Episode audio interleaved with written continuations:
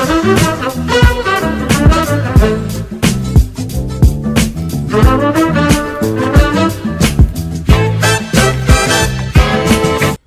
datang di Lini Podcast, ngobrol lebih dekat tentang gaya hidup sehat.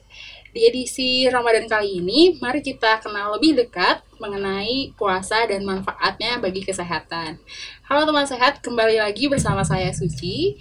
Pada podcast yang lalu kita sudah membahas mengenai banyaknya manfaat puasa nih eh, untuk untuk kesehatan, untuk sosial, untuk ekonomi dan sebagainya. Nah, eh, kalau teman sehat penasaran nih, uh, tentang pembahasannya, teman saya bisa cek di YouTube Lini Sehat, Lini Podcast. Nah, hari ini kita akan berbincang tentang berbagai tren puasa yang perlu diketahui.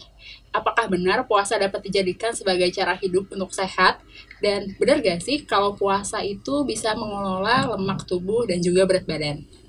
Seperti episode sebelumnya, kita akan temukan jawabannya bersama narasumber yang pastinya sudah tidak asing lagi, yaitu Guru Besar Ilmu Gizi IPB University dan juga Ketua Umum Pergizi Pangan Indonesia, Profesor Hardinsyah. Selamat datang, Prof. Sehat Gimana ya, kabar? Alhamdulillah baik, Alhamdulillah Prof. sehat. Alhamdulillah. Nah, Prof, uh, saya pengen tahu nih, kan sekarang tuh sedang ngetren, Prof, tentang uh, puasa itu sebagai cara untuk mengelola berat badan dan juga lemak uh, tubuh ya Prof. Nah, yeah. bagaimana sih menurut Prof Hardin tentang tren tersebut? Ya, memang pertama karena memang masalahnya makin besar ya. Belum ada negara di dunia ini kecuali Jepang dan Korea yang tren uh, kegemukan obesitas pada orang dewasanya yang relatif bertahan, tidak tidak turun gitu ya. Negara-negara lain termasuk kita Indonesia trennya meningkat. Nah, dan sebagian besar mereka juga adalah orang-orang yang mampu sehingga mereka ingin tahu cara bagaimana mengelola karena prinsipnya manusia ini apalagi perempuan ingin tampil tubuhnya tidak gemuk ya, apalagi lebih ekstrim lagi ingin slim gitu kan. Sehingga dicarilah banyak cara. Ada berbagai ratusan diet ya. Kadang-kadang musiman, musim tertentu dia populer, gitu. kemudian turun muncul lagi yang baru. Tapi ada salah satu yang berbasis nilai spiritual, yaitu puasa.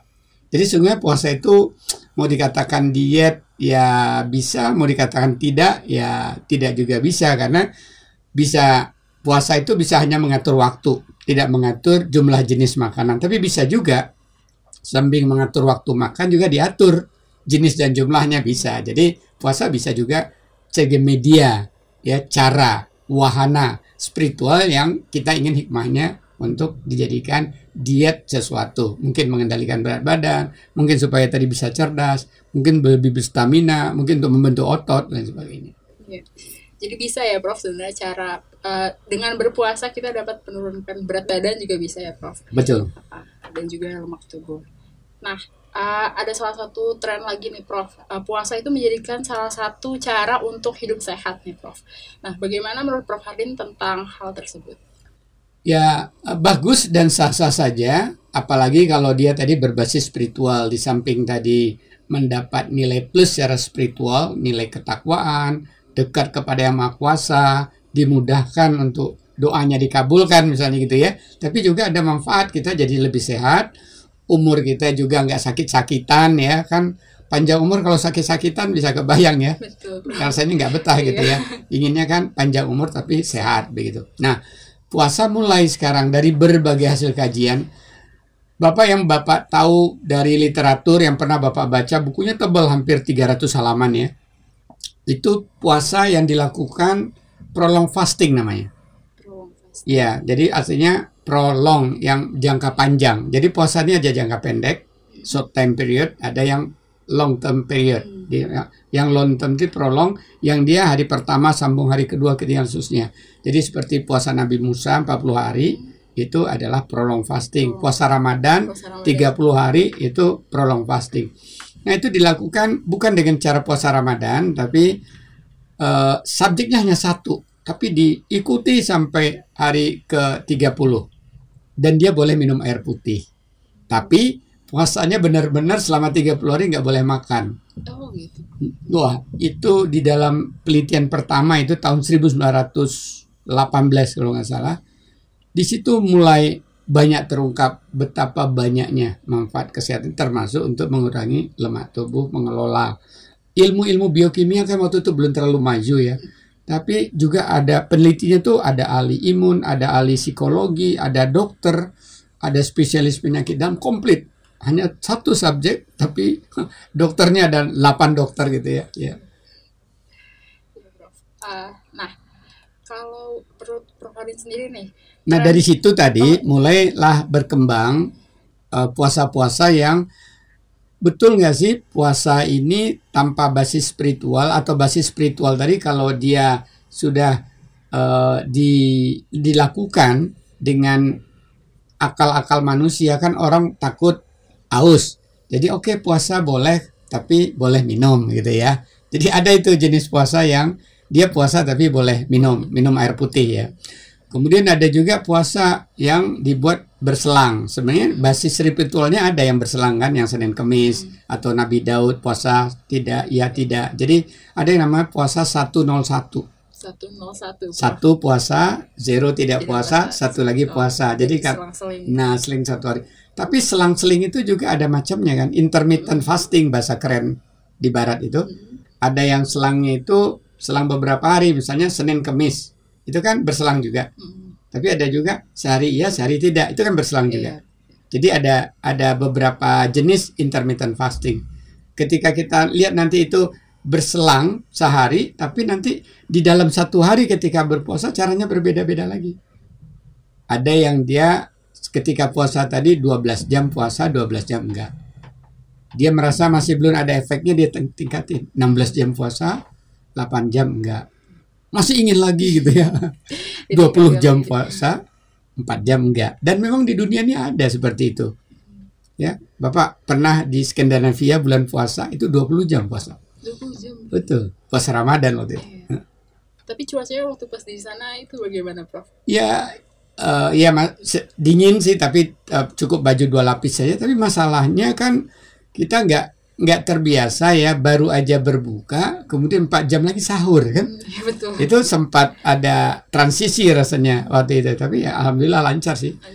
Dan uh, karena udaranya relatif sejuk dan kita juga kerja di kantor di kampus jadi nggak terlalu berefek. Bukan kalau atlet kalau mungkin pekerja di lapangan mungkin akan lain lagi ya ceritanya mungkin awalnya mungkin kaget kali ya prof tapi lama-lama sudah iya. mulai terbiasa nah uh, kalau dari menurut Prof Hardin sendiri nih, menurut uh, Prof Hardin tren uh, puasa seperti apa sih Prof yang bisa menurunkan berat badan dan juga menurunkan masa lemak? Ya kita ambil tren itu ada dua ya, tren yang berbasis spiritual, ada tren yang berbasis sains. Ya, yang tren berbasis sains ini juga Bapak lihat akar-akarnya juga ada dari spiritual tapi sama sekali tidak ada istilahnya nggak berniat ya.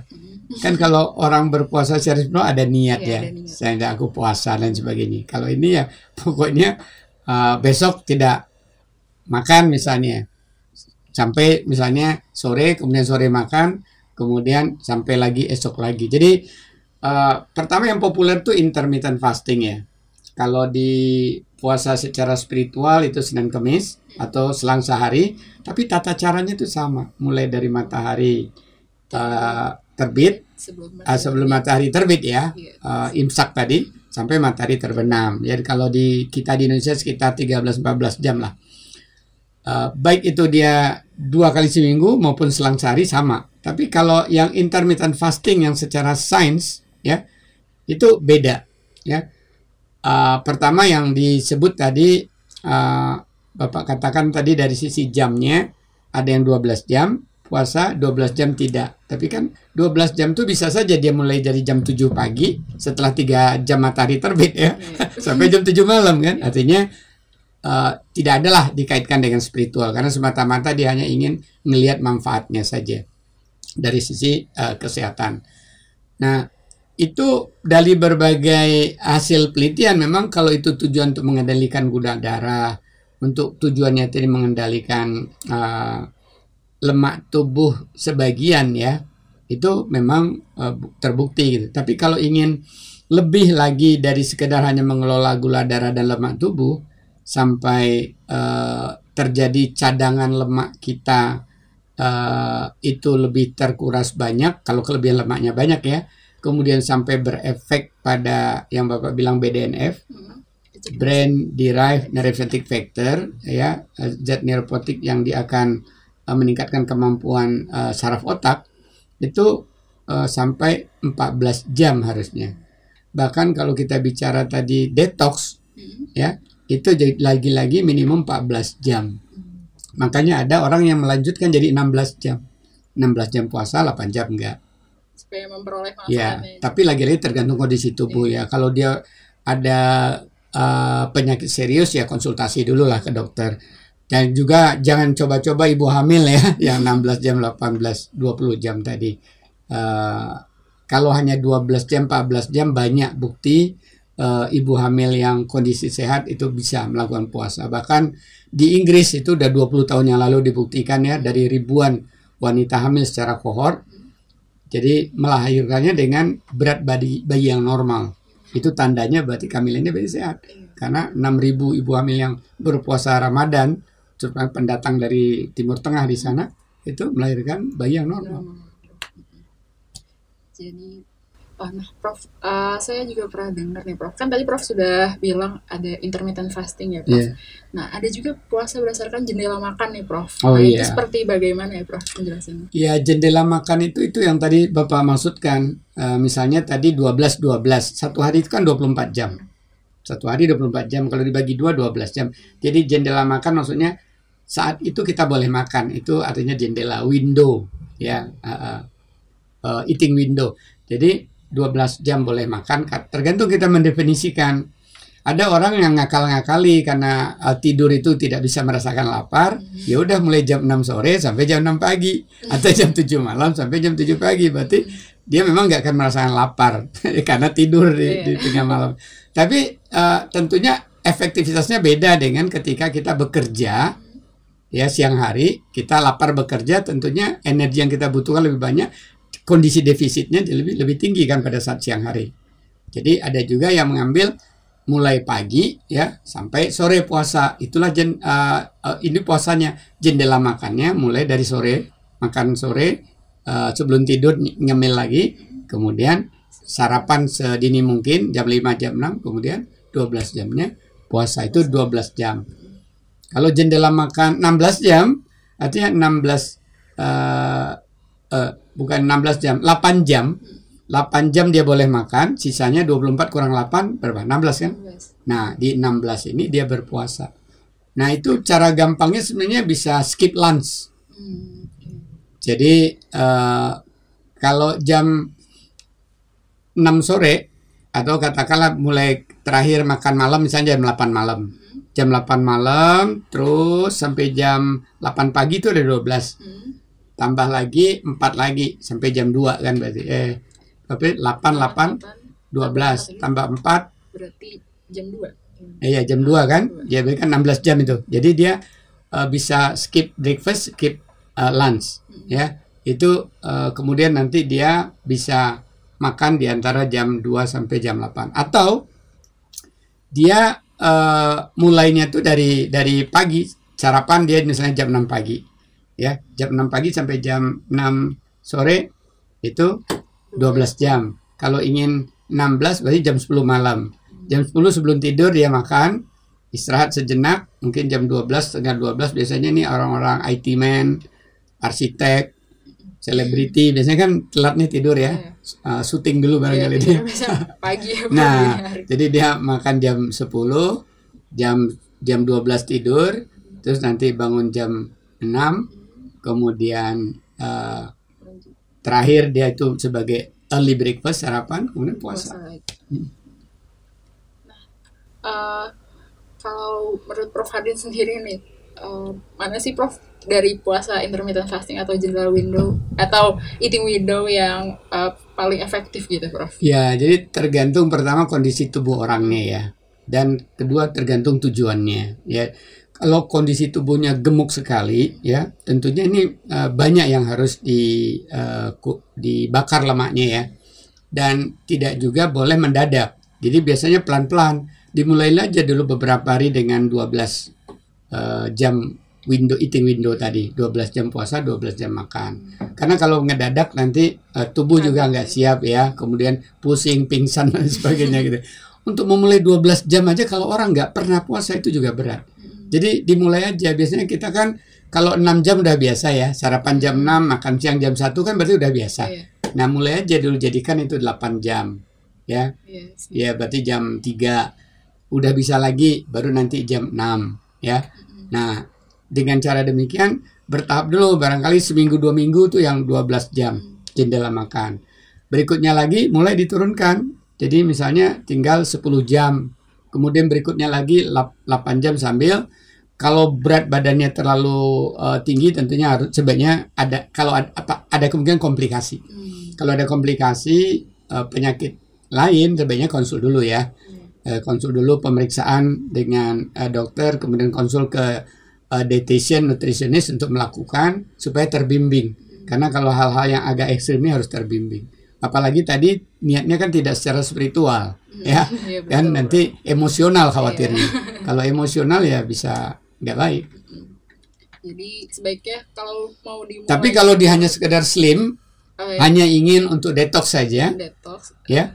Nah itu juga cukup aja barangkali yang dua kali seminggu ya. Hmm. jadi yang kenapa itu Senin Kemis? Saya nggak tahu itu secara legis itu alasannya apa tapi si peneliti di Eropa kenapa dia menetapkan hari Senin dan Kemis karena hari Sabtu Minggu tuh weekend kita kotorin tubuh kita pesta-pesta minum alkohol katanya gitu ya cheating day Nah, cheating day karena itu Senin harus dibersihkan dia bilang. Dia Senin dia puasa. Terus eh, kalau langsung Selasa kan lelah dong. Nah, katanya gitu kan harus dikasih jarak sebelum nanti dikotorin lagi katanya weekend. Itu ceritanya begitu ya. Saya juga ketawa. Kalau agama tidak tanpa alasan pokoknya Senin Kemis ya. Iya. Bahwa ternyata terinspirasi dia membuatnya begitu. gitu. Jadi eh, banyak juga ya Prof sebenarnya bukti-bukti penelitian bahwa eh, Ribuan Ribuan. penelitian ya. eh, tentang puasa yang lagi tren ini ya Prof kayak intermittent fasting. Iya, termasuk juga- ya intermittent fasting saya kira ratusan udah. Ya. Kalau dengan Ramadan tuh udah ribuan. Jadi eh, bagi teman sehat nih yang mau mencoba untuk memulai eh, diet puasa nih, berarti dimulai step by step dulu ya Prof. Mulai dari yang eh, mungkin Yang ringan dulu Ringan ya, dulu, yang yang bisa kita lakukan dulu ya. bisa kita lakukan dulu. Atau kalau misalnya Bahkan itu juga kalau yang ringan kan bisa dikombinasi dengan olahraga ya. Kalau yang ekstrim tadi, nah itu hati-hati karena bisa defisit di tubuhnya terlalu besar, pingsan nanti ya. Iya. ya untuk untuk yang berat badannya berlebih ya Prof. Dikhawatirkan ada komplikasi tertentu ya Prof. Jadi Ya, kalau ada komplikasi sebaiknya dikonsul periksa dikonsulkan terlebih dahulu.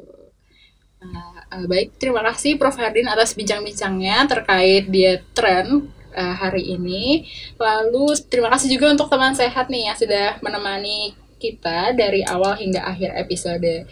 Nah, eh, jangan lupa untuk ikuti terus Lini Podcast yang akan tayang setiap hari selama bulan Ramadan, eksklusif di channel YouTube Lini Sehat dan juga Spotify. Tetap jaga kesehatan dan terapkan protokol kesehatan di mana pun teman sehat berada. Stay safe and stay healthy. Sampai jumpa di Lini Podcast selanjutnya dengan topik puasa sehat tanpa biaya. Betulkah? Bersama Prof. Adil lagi ya Prof ya. Nah, see you in the next video.